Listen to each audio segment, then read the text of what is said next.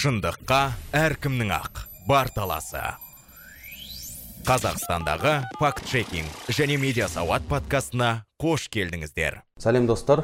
Қайырлы күн. Ә, шындық подкастының кезекті эпизоды сіздермен қауышқанына біз қуаныштымыз. Ә, жүргізуші сол әдеттегідей жансерік тілеухан. Бүгін бізде қонақта ә, халықаралық әділ сөз ә, журналистердің құқығын қорғау ұйымының жалпы журналистер емес адамның құқығын қорғау ұйымының сарапшысы ә, ғалия әженова. Ғалия апай қош келдіңіз. Сәлеметсіз ба аха. Сізге алғысымызды айтамыз. Ә, келіп уақытыңызды бөліп бізге осынау ақпаратпен бөліс, бөлісіп бөлісетініңізге. Енді бізде білесіз ә, пандемия басталғалы бері біраз өзгерістер ұшырап жатыр. Әр сала пандемияға байланысты біреулер кері кетіп жатыр біреулер алдыға деген сияқты. Әр пандемияның зардабы әр салаға әсер етіп жатыр да. Бизнеске болсын басқасына болсын. Мынау шекарасыз репортер деген ұйым бар. Халықаралық. Осы журналистердің жалпы сөз бостандығының несін рейтинг жасайды. И осы рейтинг бойынша бізде дәл қазіргі уақытта мен жаңа ғана қарадым. Жүз сексен мемлекеттің ішінде жүз елу бесінші орындамыз. Сөз бостандығы бойынша қазақстан.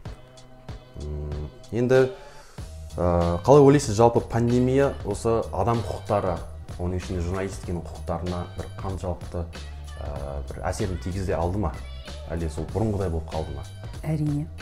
Әсер еткізді пандемия деген пандемия жалпы осы мына қазіргі мына соңғы бір жарым бір жарым жылда бір жарымнан асты ғой бір жарым жылдан асты ғой иә. Көптеген салаға әсер етті деп жаңа өзің айтып отырсың иә? Сен дей берейін енді Иә, жас, беріңіз. жасым сәл үлкендеу ғой. Мына журналистер осы осындай жағдайда олар ең бірінші атакаға шығатын адамдар деп айтуға болады. А, медицина саласының қызметкерлері содан кейін болып жатқан жағдайды халыққа жеткізіп дұрыс ақпарат беріп дұрыс ақпаратты тексеріп барып оны алып тиісті министрлік тиісті лауазымды тұлғалардан медицинаға денсаулыққа тікелей қатысты үлкен үлкен лауазымды кісілерден нақты ақпаратты алу арқылы хабардар ету ол журналистің а, міндеті. Былайғы өмірде. Бірақ пандемия кезінде жұрт паника болып жатқанда қорқып жатқанда далаға шықпаңдар немесе маска тағыңдар немесе көпшіліктің ортасына бармаңдар қонақтықты тыйыңдар әрлі берлі шықпаңдар. Тіпті басында саябақтардың өзіне іліп қойды ғой кірмеңдер деп.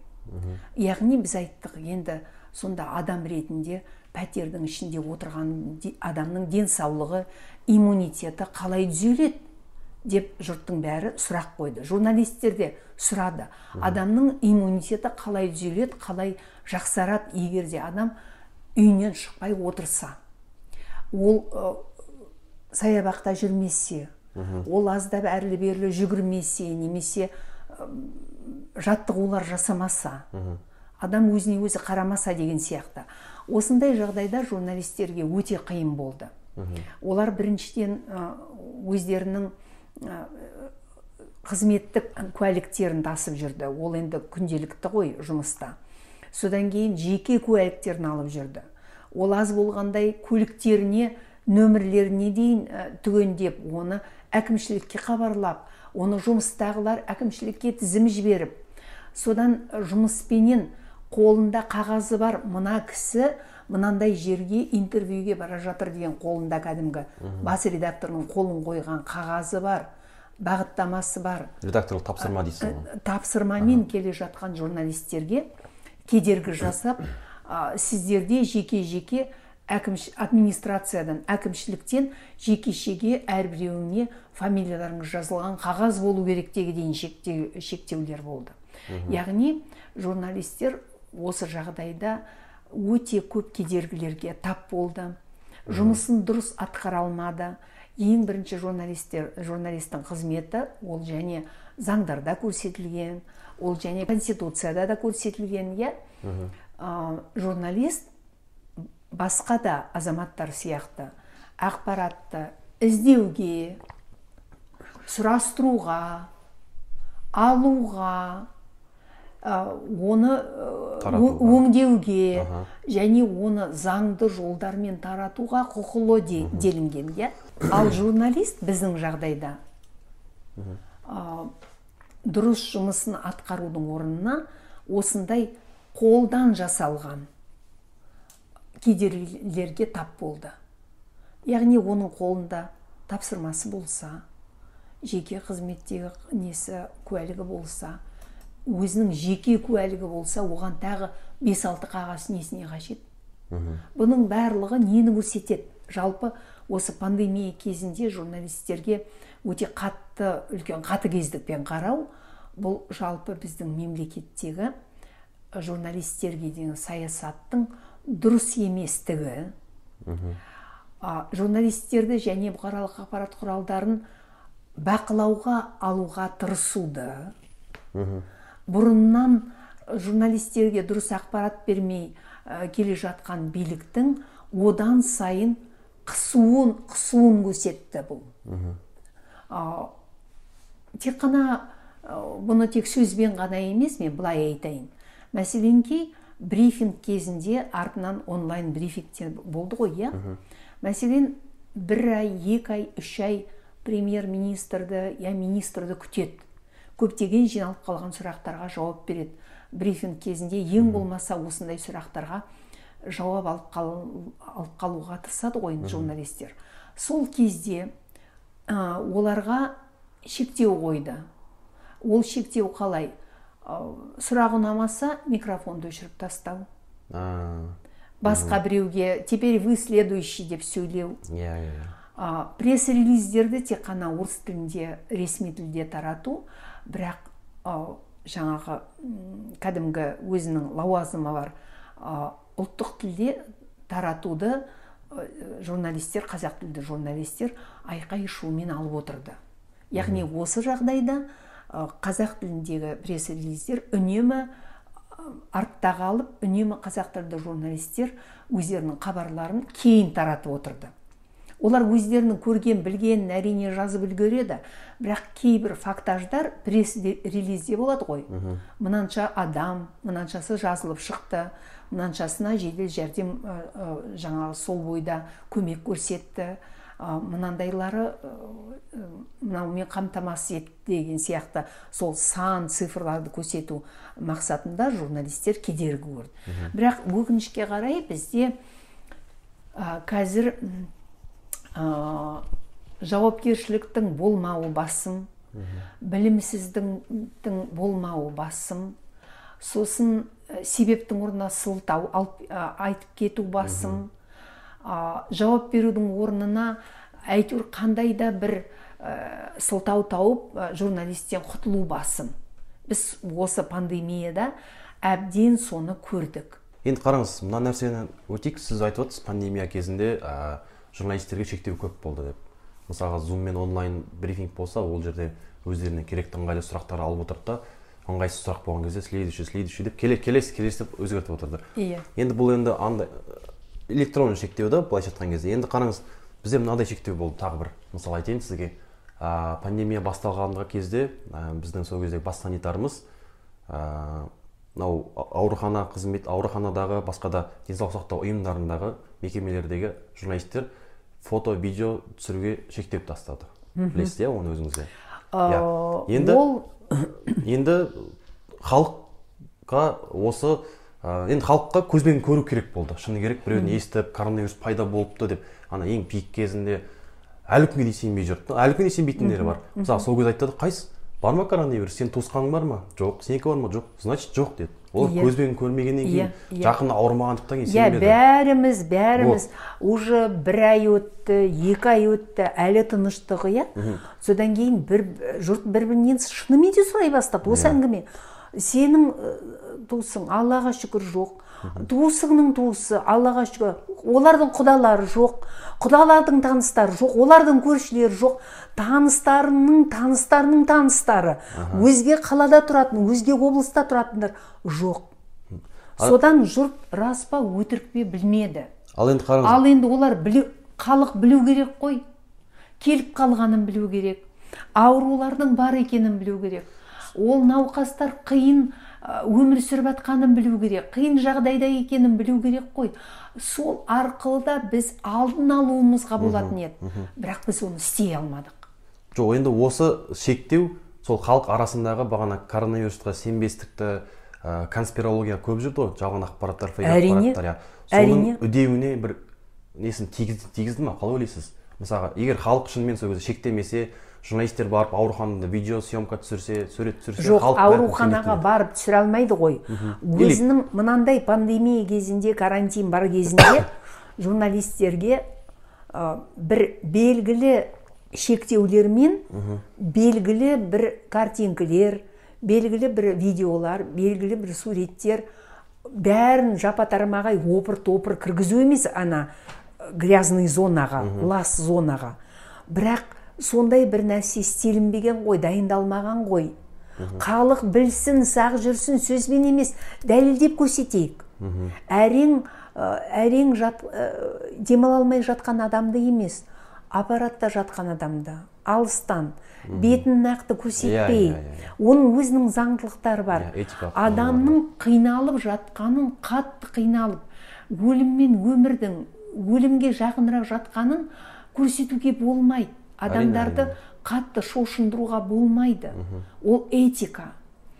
Бірақ жалпы осындай аппараттар алынып жатыр немесе жетпей жатыр. Немесе адамдар кәдімгі газовый баллондарды алып кетті ғой. Сұмдық емес пе? Бірінші күндері. Ал соның барлығын халық біліп отырса нақты шынайы шынайы тексерілген ақпарат болса жасыру емес. Сіз қараңызшы біз бала кезімізде аспанда самолет ұшып бара жатады ғой ойынымызды қоямыз да бәріміз самолетқа қарап самолет самолет мені алысқа өзіңмен бірге алып кетші деп орысшалап алып кетші мен бірге сенімен ұшқым келеді сен қалай ұшасың а? деп айқайлап сөйтіп тұрып қалатынбыз. Ана самолет ы, ұшақ ұшып кеткенше. Ұшақтың артынан із иә қалатын аха. із қалатын. Ол ізбен бізді улап жатыр әдейі у шашып жатыр деген әңгіме мүлдем жоқ ондайды ешкім ойламайды. Себебі мемлекеті өзіне қарсы қызмет жасайды деп ойламайды ғой ешкім. Енді қараңызшы қазіргі конспирологияның бірі. Ұшақ ұшса артында кәдімгі кәдімгі табиғи із қалса олар бізді ауадан улап жатыр енді қараңызшы жарайды оқымаған мүлде ауылдан шықпаған ешқашан оқымаған не то что жоғары білімі төрт класс білімі жоқ адамдар. Айтса бір жөндейсің ғой. Оқыған адамдар айтып отыр. Дәрігер адамдар айт дәрігер адамдар айтып отыр. Ал ол үшін жоғары білім қажет жоқ. Алдында да ұшақтар ұшты алдында да арттарынан із қалдырды. Неге біз сол кезде улап жатыр деп айтпадық? Пандемияға дейін. Неге айтпадық? Яғни халық топасты халықтың топастығы халықтың білімсіздігі осы шектеулердің кесірінен журналистерге жол бермеудің кесірінен журналистерге айтқызбаудың кесірінен олардан жасырудың кесірінен халық одан сайын топастана түсті. Ол кәдімгі қолдан жасалған кедергі. Енді қараңыз бізде мынандай бір проблема бар сияқты. Мысалға халық арасында халыққа міне деп ресми ақпарат көрсетсең міне тұр мынаны қарап оқы мына сайттар бар деп көрсетсең халық сенбейді оған. Одан қарағанда халыққа қарасаң мына тұста сенеді біреу келіп туысқаны келіп отырады айтады мен кеше осындай таныс дәрігерім айтты осындай осындай деп жатыр коронавирус шынымен сондай екен. Оказывается бізді балалар арасында өтірік ә, нені көбейтіп жатыр чтобы бәрін егу үшін бәріне Pfizer вакцинасын салу үшін деген сияқты сыбыстарға сенеді да халық. И сондықтан вакцинаға қарсы шығып үйде отырып мемлекетті сынап деген сондай бір не болады. Ну осы тұста жансерік бізде былай ғой. Аха. Бізде біз 30 жылда енді ешкім ренжімесін. Жақсылықтар болған жоқ демеймін. Болды шүкір. А, мәселен жастарға көптеген мүмкіндік. Оқуға таңдауға. Таңдай аласың. Жағдайыңды өзің өзіңе өзің әке шешең көмектесіп жасаса кез келген қалаға барып тұра аласың. Кез келген оқуды өзің осы енді мен шетелді айтпай ақ қояйын өзіміздің елде өзің таңдаған оқуыңды өз еңбегіңмен түсіп немесе өз еңбегіңмен түсе алмасаң әке шешең көмектесе алса онда ақша төлеу арқылы бүгінгі мүмкіндік бұрынғы мүмкіндікке қарай қарағанда өзгешелеу. Яғни таңдау бар иә? Осындай жағдайда сіздер сияқты көзі ашық көкірегі ояу ә, жігіттер ондай конспирологияға ондай ә, өтірік анандай жалған фейктерге сенбейді. Кім сенеді? Отыз жылда оқымаған тоқымаған қараусыз қалған халық көп. Оқусыз қалған. Мектептен сегізінші класс тоғызыншы класс бітіргені немесе даже мектепті бітіріп ә, аттестат алған адамдар бар. Қалай алды ол сізге де маған да беймәлім.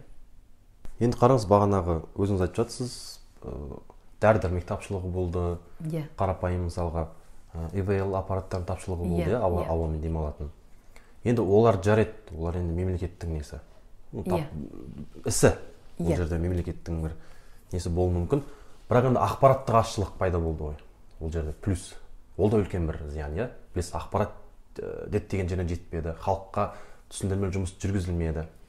Сөйтіп халық не істеді? Коронавирустың көбейген кезінде ақпараттық азшылық кезінде сол институттар өздері қолынан жасады. Яғни ақпарат бір біріне ақпарат алмасумен болды.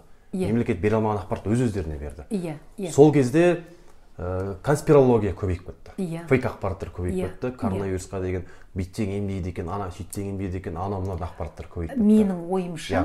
Менің ойымша бұл жағдайда жаңа мен айтайын деп отырғаным осыны. Ең бастысы бар ғой иә ең бастысы. Мынандай қиын жағдай келіп төнгенде мемлекеттен екі тілде қазақша орысша әдемілеп қарапайым тілмен сенімді халыққа сенімді ақпаратты түсіндіруді өкілдердің шықпағанына таңғаламын. Ол бір үлкен бригада болу керек қой. Яғни атырау облысында бір бригада екі бригада ақмола облысында бес алты бригада алматыда алматыда көп болды ғой мында келуші де Иә. көп кетуші де көп. Алматыда бір он шақты бригада шымкентте ақтауда жан жақта бір адам емес екі адам емес кәдімгі бар ғой протокол бойынша түсіндіретін адамдар болмады ғой. Сосын дәрі дәрмектің жетіспеуі сол дәрілердің қоймада тұруын қалай түсіндіресіз? Айтпаңыз яғни яғни мына екі параллельді өмірде өмір сүргендейміз біз. Айтпаңыз айтпаңыз. екі параллельді әлем. Бір параллельді әлем ә, ә, жаңағы бізге нұсқау береді. Сөйтіңдер бүйтіңдер жабыңдар ә, кедергі жасаңдар тоқтатыңдар дейді де жоғарыдағылар. Қолдарында механизмдері бар ресурсы бар ақша бар түгел барлығын билік былай қолына ұстап отырған жоғарыдағы әлем. Және мына жақта қарапайым өзімен өзі бықсып бір біріне өтіріктерді зыпыртып жатқан халық. Бірақ өтірік екенін білмейді олар. Өкілдер шығып бастан аяқ тәптіштеп түсіндірмегесін фейктер пайда болды. Сол фейкқа міне қараңызшы мен мәселен денсаулық сақтау министрлігінің өкілі болайын иә? Мен бүгін қарап отырмын мынандай фейк шығыпты. Ол өтірік қой мен білемін ғой. Неге ерте сол бойда бір сағаттан кейін жылдамдатып шығып мынаның өтірік екенін неге мен видео арқылы өзімнің білімім арқылы ертеректе болған инфек- инфекциялық ауруларды салыстыру арқылы бұрынғы холера кезінде басқа кезінде адамдарды қалай оқшауландырғанын неге соны сол бойда эфирге шығып бүкіл арналардан неге таратпаймын? Егер менің бе- қолымда белгім болса және мен екі тілді жақсы білсем жақсы мен өзім кәсіби медик болсам және мен өзім инфекционист болсам мына жағдайды от үйде түсініп отырсам және мынаның нақты фейк екенін білсем неге мен күнде шығып отырмаймын эфирге? Көрдіңіз бе? Яғни мемлекет пен халықтың арасында сенімді ақпарат болмады. Ол ақпарат бірінші өкілеттер болмады екінші журналистерге. Ең болмаса сол шындыққа жақын ақпарат та бермеді. Соның кесірінен журналистер не айтарын білмеді. Әйтеуір күнде бір айқайды естідік. А, журналистерге бермей жатыр ақпаратты ақпаратты жасырып жатыр. Санын жасырып жатыр. Бір санда 82 екінші санда 800 э, э, не 820 деген сияқты иә? Сондай а, сондай біріне бірі қарамай қайшы ақпараттар көп болды. Адамдар ондай ақпараттан қорықты. Яғни қорқу паника бар жерде адамның денсаулығы жақсармайды ғой. Енді қараңыз ә, бағана журналист шектеп жатыр құқығын ә, осы пандемия кезінде біраз шектеулерге ұшырады деп жатырмыз. Енді осыған байланысты а, білмеймін әйтеуір отызыншы қыркүйекте ә, сенатор бұрынғы экс журналист қазір журналистикада бар ма жоқ па білмеймін. ол кісіні нұртөре жүсіпті білесіз ғой иә. Иә иә. Сол кісі журналисттің мәртебесі туралы бір заңды ұсынды. Иә. журналистер құқықтарын қорғайтын ә, не істей алады журналистер не істей алмайды деген сияқты сондай бір анықтап беретін заңды ұсынды. Енді осындай заң бізге керек па? Қалай ойлайсыз? Әлде бұндай заң ә, журналистті мемлекетке одан әрмен таңып беретін заң ба жоқ менің ойымша. Бұл жеке пікір. Менен біраз адамдар біраз журналистер әсіресе тәуелсіз журналистер келіспеуі мүмкін. Мен айтайын шамамен енді 20 жылға жуықтап қалды ғой менің э, 20 жыл журналистикада одан кейін міне 19 жыл құқық қорғаушылықта журналистердің құқықтарын қорғауда жүрмін. Содан енді білмеймін қазір есімде жоқ. Білмеймін 500 тренинг өткізген шығармын. Өйткені көп көп жерге шақырылдым көп жерде жүрдім. Және к- университеттерде де сабақ бердім. Сол мастер класс басқа бәрін есептеген кезде осы медианеттің өзінде де жұмыс жасадым иә? жұмыс жасағанда шақырылып тренинг оқып жүрдім. А, сонда енді ойлаймын енді 500 шығар енді былай кем дегенде деп иә? Айтайын дегенім журналистердің жалпы бақ саласында істейтін қызметкерлердің қай уақытта да кездесіп қалған кезде көтеретін мәселелерінің бірі. Ғалеке бізде неге мәртебе жоқ? Нұртөре өзінің өзінің ойында болды ма жоқ па білмеймін бірақ ол журналистердің мұң мұқтажын жеткізді. Заңды осындай заң қабылдайық дегенде. Неге? Қараңыз мен оралдан алыс шалғай ана казталовка жақта жатқан ресеймен шекаралас жерлерден мәселен сол жақтан немесе зерендіден ешқашан өмірінде жасы жиырмадан асқан бірақ өмірінде пойыз көрмеген жігітті. Семейдің анау шекарасынан мына панфиловтың анау шекарасынан иә? Яғни алыс шалғайда жатқан журналистерді жинаймын. Жинауға тырысамын көрмеген білмеген бірақ журналист. Ауылдық газетте істейді аудандық газетте істейді. Журналистикада оқиды. Бірақ еш қиын қыстау кезеңде қайда шықсын? Ә, ауылда тұрады. Ешқашан пойыз көрмеген. Ұшақты тек ауада көрген. Тек қана аспанда көрген. Бірақ ешқашан отырмаған. Алысқа зерендіден мәселен қасында тұрған бурабайға жетпеген. Бурабайдың бір ауылында тұратын жігіттер астананы көрмеген. 2009-да 2009-да астананы көрмеген. Енді қараңызшы сол кезде мен оларды шақырдым сосын тәптіштеп тапсырдым. Әрбір жүрген жолдарыңның билеті ол тіпті жай ауылдың арасында қатынайтын автобус болса да. Әрбір басқан іздеріңе құжат алып отырыңдар мында келгесін есептесеміз. Сіздердің жаратқан ақшаларыңызды қайтарып береміз. Өйткені грант сондай. Яғни олардың жолы олардың нелері Жататын жері, шығындары жататын жері бәрі қарастырулы. Сол себепті маған қағаз керек болды. Өйткені біз әрбір тиынды есептеп өздеріне беріп олардың шығындарын өтеуіміз керек. Сосын есеп беру кезінде біз донорларға есеп беру кезінде әрбір тиынның шығынын көрсетуіміз керек құжат арқылы.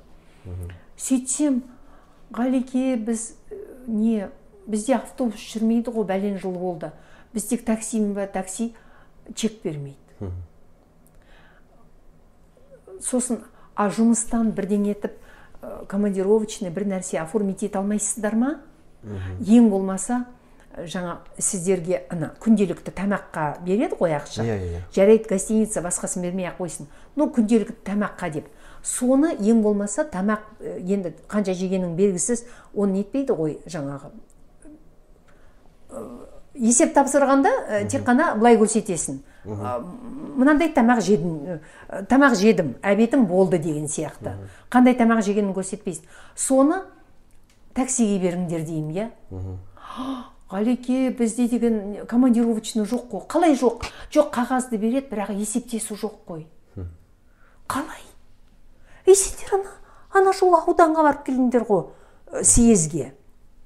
Ауданға барып бір жиналысқа барып келдіңдер ғой. Қалтамыздан қалай қалталарыңнан а жалақыларың қанша? Алпыс мың. Ей алпыс мыңның жолға үш мыңын бересіңдер. Семьяларың қалай күн көреді?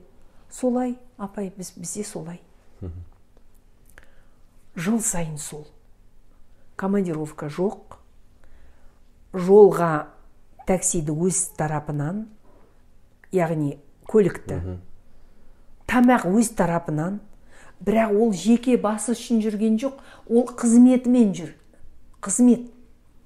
Жиналыстан есеп беру керек қандай нақты мәселелерді көтеріп жазу керек. А, мектепте у шу болып жатса сол ауданға сол ауылға жету керек. Қашанғы құда бала тасып жүреді оны қашанғы туысқан інісі тасып жүреді. Яғни журналистерді әбден бүйтіп бастарын байлап тастады ғой былай былай. Кәдімгі сығып сығып сығып әй әлі дем- де, әлі не демалып жатсың ба әлі өлген жоқсың ба? деген сияқты. Жағдайға жеткізді ғой енді. Грубо говоря мен қазір образды түрде айтып отырмын иә. Бірақ журналистердің мұғалімдерде кімде не не полицияда мәртебе бар. Мәселен ғалымдарда мәртебе бар. Тағы басқасында енді білмеймін енді қазір есімде жоқ әйтеуір көпшілікте мәртебе бар прокурорда мәртебе бар судьяда мәртебе бар. Журналист біз қоғамның адамдарымыз ғой қоғамның мұңын моқтап жо- жоғын жоқтап жүрген халықпыз. Бізде неге мәртебе жоқ? Мәртебе не береді сіздерге? Ой мәртебе деген бізде командировочный болады. Біз бізде ең болмаса біз кез келген жерге барғанда кімсің сен? деп есік жаба салмайды біздің алдымызда. Бізде ең болмаса положенный нәрселер болады ғой бізге тиісті нәрселер болады ғой деп сөйтіп жүретін. Ә, сол себепті журналист еркін болу үшін еркін жүру үшін журналисттің мәртебесімен санасу үшін басқалары санасу үшін қоғамның алдында оның құқығы ерекше ерекше көрсетілу үшін журналист журналисттің Мәртебе мәртебесі қажет деп иә. ойлаймын. Енді қараңыз бізде ә, журналистер мемлекеттік және тәуелсіз деп бөліп қарастырылады иә? Өзіңіз білесіз. Мемлекеттік арналарды мемлекеттік нелерді медиаларды жұмыс жасайтын тәуелсіз деп. Иә. Енді бізде ә, осы бір мысалды айтайын. 24 кз телеарнасының журналисі бір неге әкімдіктен бір сұхбат алатын кезде оны шығарып тастайды күшпен. Видеосын да көрдіңіз иә білесіз. Иә. Содан кейін бірден ақпарат министрлігі ә, реакция жасайды. Журналистердің құқығын бұзбауға шақырады дұрыс емес деген сияқты сондай бір не қалдырады. Енді осы тұста оған дейін де сол сияқты нелер болды кейстер болды. Бірақ мына мына тарапта яғни тәуелсіз журналистердің мысалында болды. Оларды да мысалға шектеді кіргізбей тастады қолмен қақпаған кездер де болды да. Бірақ ол тұста ешқандай да бір реакция болған жоқ ақпарат министрлігінен. Бағанағы сияқты мемлекеттік телеарна журналист сияқты болған кезде әй құқықтарын бұзбаңдар дұрыс емес деген сияқты болмады да. Бірақ журналист ортақ қой қазақстанда. Енді осыны қалай түсінсек болады? Екі жүзділік иә. Двойные стандарты дейді оны. Қараңыз мәселен депутат журналисттің қолын қағып жіберіп микрофон лақтырып жіберіп өзін итеріп жіберіп жатса оған дәурен абаевтан болсын басқасынан болсын реакция болған жоқ. Ә, балаева ә, енді оққан тоққан көзі ашық адам ғой. Сосын ол кісі қанша дегенмен ә, коммуникациясы дұрыс ә, дұрыс адам коммуникациясы дұрыс адам деп есептеймін мен өзім.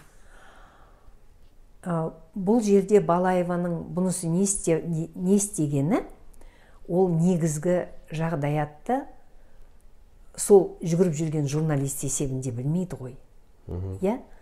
Ана жерде ана жұмыс жасап жүрген адамды көтеріп алып сыртқа лақтырып жібергені енді лақтырғанда енді лақтырған Иә, жоқпын қойдым шығарып де. тастаған, иә. қойдым шығарып жібердім типа қойдым да кете бердім мәселен ол өте нәзік қыз болса ол ана кісінің сондай грубый ұстағанынан сондай қатыгездікпен апарып анандай жерге қойғанынан ол қыз қалтырап дірілдеп сол жерге құлап қалса мәселен білмейміз ғой иә? Онымен ол кісінің шаруасы ол кісінің басы ауырған жоқ оған. Шығарды да қалдырды бұрылып кете берді. Яғни ең болмаса ана қыз кешір қарындас е кешір қызым мен мәжбүр болдым деп те айтқан жоқ иә былай бұрылды да кете берді. Осы жерде осы жерде двойной стандарт біздің мемлекеттік тараптан да бар. Яғни депутат лақтырып жіберсе үндемейді. Қарапайым күзетші лақтырып жіберсе оған ойбай сұмдық қызды ұстап оның личный пространствосына қол сұғып деген сияқты нәрселер как это так? деген сияқты иә? Тем более көтеріп алып иә?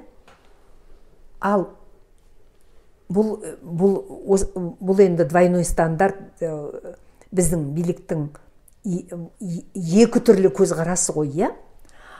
Ал жалпы бұл жағдаятқа менде де екі түрлі көзқарас бар. Біріншісі а, ол жерде күзетші тұр. Күзетші нақты адамдарды жібереді кіргізеді жібермейтіндер оған сондай тапсырма берген. Сен күзетіп тұрсың. Оңды солды мына жерде адамдар жайбірақат гулять етіп жүрмесін деген сияқты иә? Енді бұрында болған жоқ қой. А пандемия кезінде одан сайын одан сайын қиын адамға кіру де қиын әкімді табу да қиын оның орынбасарын табу да қиын оған сұрақ қою да қиын иә? Бұл қыздың нақты өзінің жобасы бар. Жобасы әкімдердің әкімдердің портреті. Әкімдердің бүгінгі мен дұрыс түсінсем әкімдердің бүгінгі мына халыққа деген тіршілігі. Не бітіріп не істеп жүр. Осындай жағдайда менің түсінуімше бұл әріптесіміз ә, әкімді күткеніне біраз болған іздегеніне біраз болған. Келгенде хабарласқанда телефон шалғанда бірақ әкім үнемі жоқ. Әкім болмайды. Жұмыста дейді шауып келсе жұмыста жоқ. Қайта кетіп қалады. Қайта да да он у себя дейді сосын ол алады да мен келем демейді. Шауып келеді машинамен. Сөйтсе әкім тағы жоқ. Сол кезде әкім тығылып отыр ма деген күдік пайда болады ғой журналистке. Енді әрбір адам сөйтіп ойлауы мүмкін бар көзбен көргісі келді дейсіз иә бұл тығылып отыр ма деген сияқты иә. Журналист болғасын ол болмайтын жерге жасырын арттан барып кірді иә. Яғни ол өзінің өзі көз жеткізгісі келді өзінің журналист рөлін дұрыс атқарғысы келді. Неге тығылады? Қайда жүр? Неге адамдары дұрыс жауап бермейді? Мәселен сіз қайта қайта хабарласып отырсыз сіз хабар 24-тенсіз бе?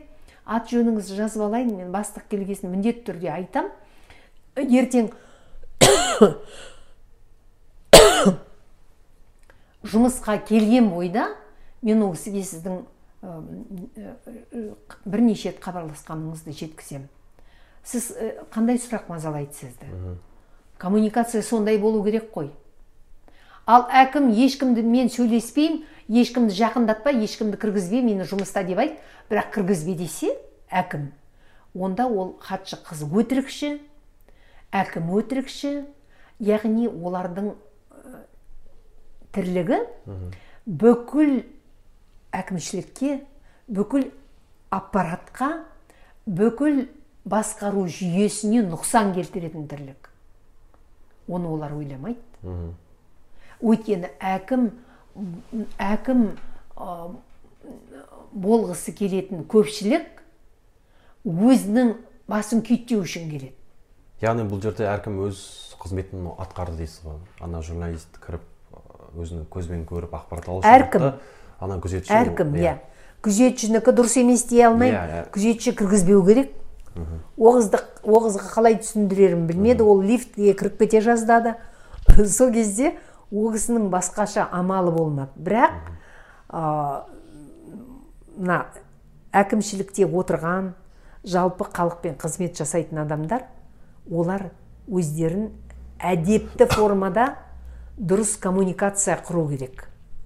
Сол дұрыс коммуникация құрмаудың салдарынан ана қызды күзетші тасып жүр. Күзетші өзі зардап шекті. Ақыр аяғында. Енді қазір мынау республикалық деңгейде бір тағы да бір бағанағы журналист мәртебесі туралы тағы да бір заң талқыланып жатыр. Ол білесіз өзіңіз де буллинг қазір көбейіп кетті. Осы заманның бір өте бір не Әлеуметтік Иә, желіні әлеуметтік- шектеу ме? әлеуметтік желіні шектеу иә. Кибербуллинг оның ішінде әлеуметтік желіні шектеу. Иә. Енді осыған байланысты әртүрлі көзқарастар бар. Біреулер қарсы шығады біреулер дұрыс деп санайды. Иә ол өйткені әлеуметтік желінің зияны бар балаларға кері әсерін тигізеді. Өшпенділік тілі деген бар қазір білесіз. Басқа ұлт өкілін басқаша көрсетеді деген сияқты да. Енді сіздің ос- осыған байланысты көзқарасыңыз қандай? Әр нәрседе әр нәрседе бір сұрақ бар. Аха. Соттайтын кім?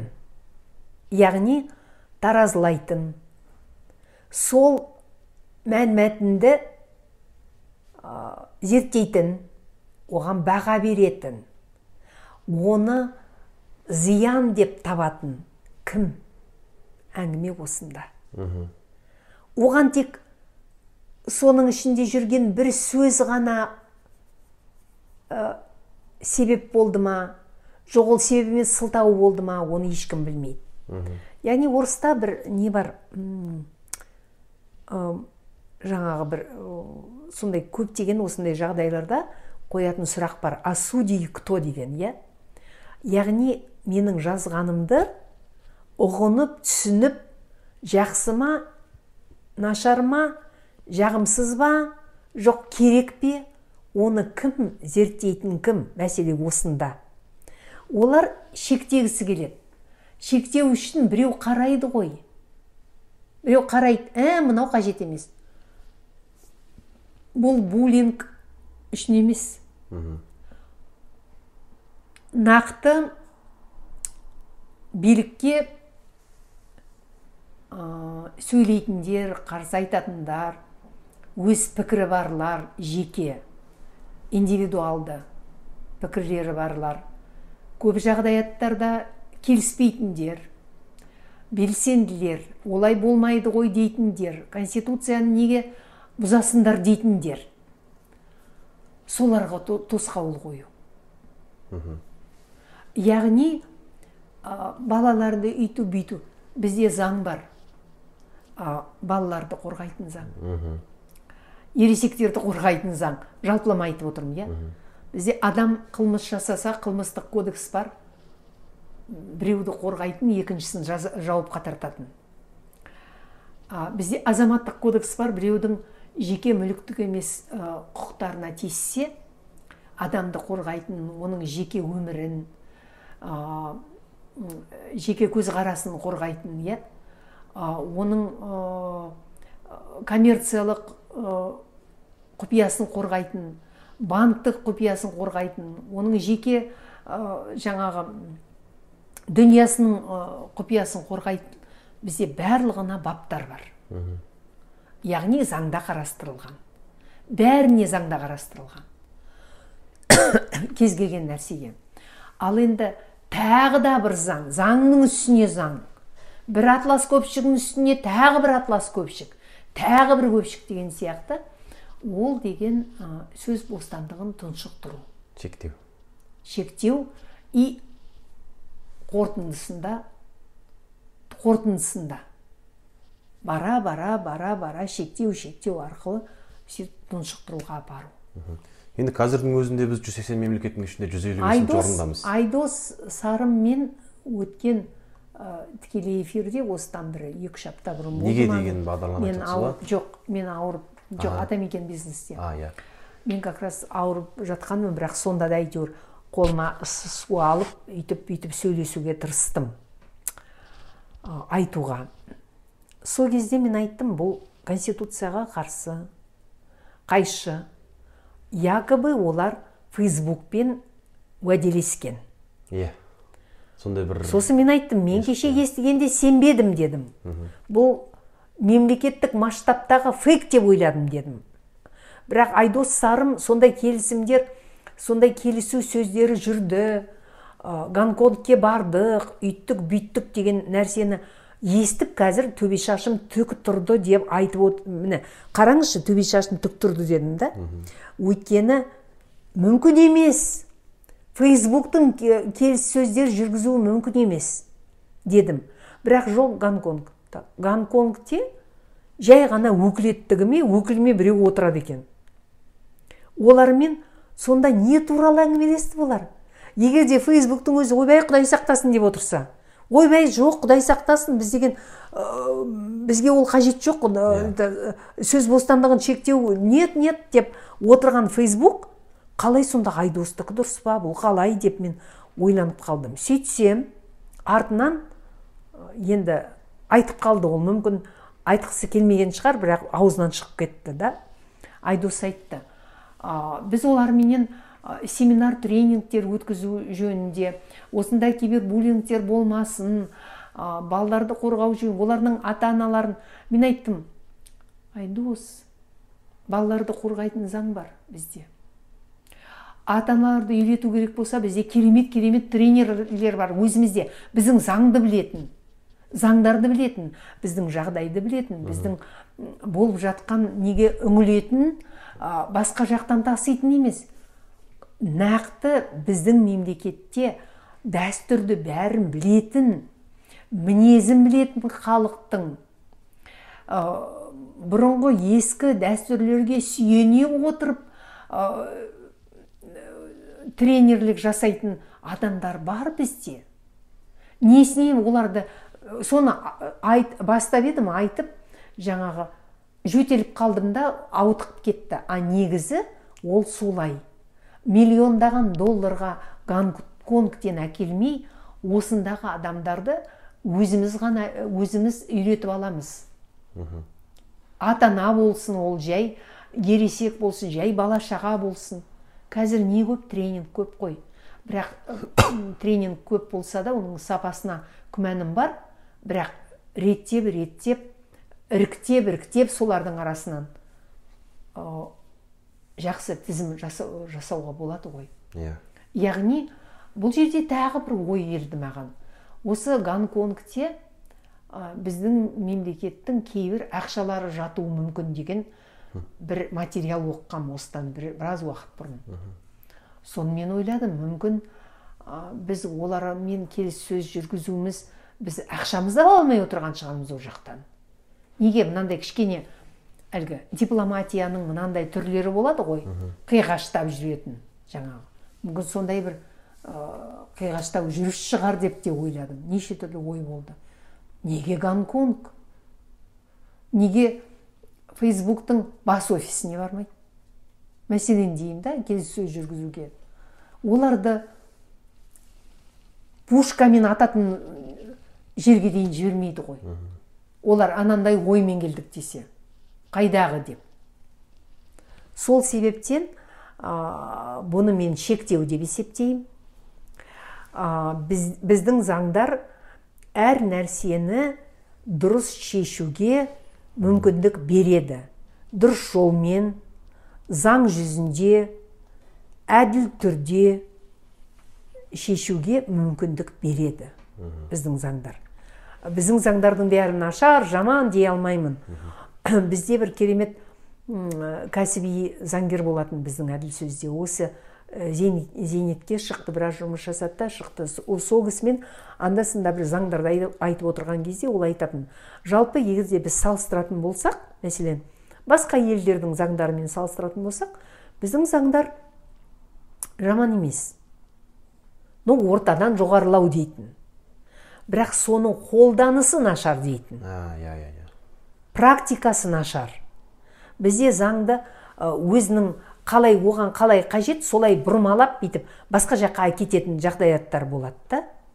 Соны әкетпеу үшін бізде практиканы түзеуіміз керек. Яғни алыстан миллиондаған долларға біреуді тасымай осы жақтан өзіміздің адамдарды дайындалған дайын дайын костякты одан сайын үйретіп соларға оқыту керек қажет болса. Қажет болса ауыл ауылдарға сол оқығандарды мемлекеттің тарапынан оқығандарды аудан аудандарға жіберу керек. Түсіндіріңдер жеткізіңдер. Халықаралық стандарт бойынша осылай біздің заңдар балдарды осылай қорғайды деп. А балдарды ұрып соғу қазір. Ештеңе етпес бізді де түйгіштеп өсірді. Адам болдық қой деген ой нелер бар қазір пікірлер? Бірақ енді әрине ондайға жіберуге болмайды. Баланы түйгіштеп өсірген бала үнемі үнемі қорланған бала қалай ол азамат болады? Содан кейін әрине проблема бар. Бірақ оны ә, ақпаратты шектеумен шешеміз деу ол енді масқара. Енді қарадым мысалы мета компаниясы қазір фейсбук иә? Құрамына кіретін инстаграм бар ватсап бар. Олар өздері де күресіп жатыр. Олардың өздері де күресіп жатыр. Мысалы yeah. Иә. фейкпен қалай күреседі? Фейк ақпарат болса алып тастайды. Ватсапта ана пересланный сообщение екі үш рет төрт бес рет белгілі бір суммадан переслать етсеңіз бармай қалады. Енді алдағы уақытта олар да бір кибербуллингпен күресудің жолын табатын шығар деп ойлаймын. Бірақ шектеу емес шектеуден басқа жол дейді. Солай емес па иә?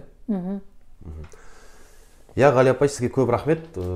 Осынау келіп бізге біраз ақпаратпен бөліскеніңізге.